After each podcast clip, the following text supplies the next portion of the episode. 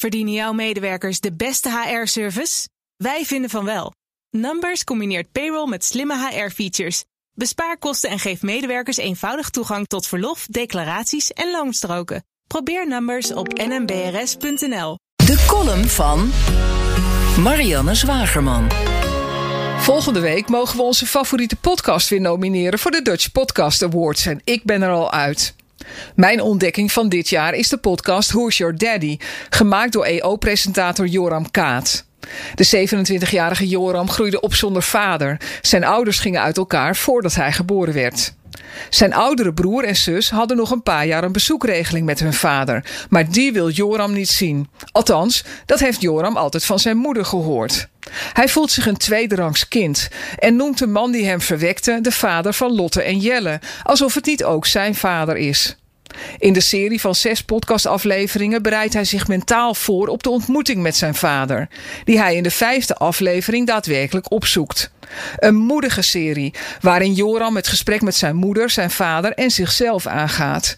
Het plaatst hem, zoals zoveel kinderen in zijn positie, naast slachtoffer ook in de rol van rechter en waarheidsvinder. Wat klopt het verhaal van zijn moeder of van zijn vader? Mama zegt dat hij niet wilde. Papa zegt dat hij niet mocht. Wie kan je geloven? Dat beide kanten nu eens aan het woord komen maakt deze podcast bijzonder. En Joram heeft er misschien niks aan, maar de buitenstaander krijgt een mooie inkijk in hoe verschillende waarheden zich vormen in de hoofden van mensen. De eerste, en voor zover wij als luisteraars weten, enige ontmoeting met zijn vader is niet als in een Hollywoodfilm. De erkenning voor zijn verdriet vindt Joram niet.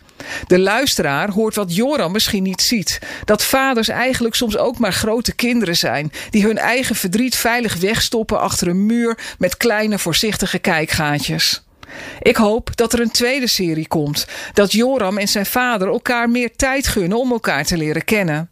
En ik hoop dat er nog veel meer van dit soort ontmoetingen komen tussen kinderen die zich tweederangs en vaders die zich verstoten voelen. En ik hoop dat wij dan weer mee mogen luisteren. Al is het ook heel mooi en waardevol als de ontmoetingen er zonder microfoon komen. Als ze er maar komen. Elk jaar verliezen 16.000 kinderen na de scheiding het contact met een van hun ouders, meestal de vader. Geen kind mag zich tweederangs voelen. Verdienen jouw medewerkers de beste HR-service? Wij vinden van wel. Numbers combineert payroll met slimme HR-features Bespaar kosten en geef medewerkers eenvoudig toegang tot verlof, declaraties en loonstroken. Probeer Numbers op nmbrs.nl.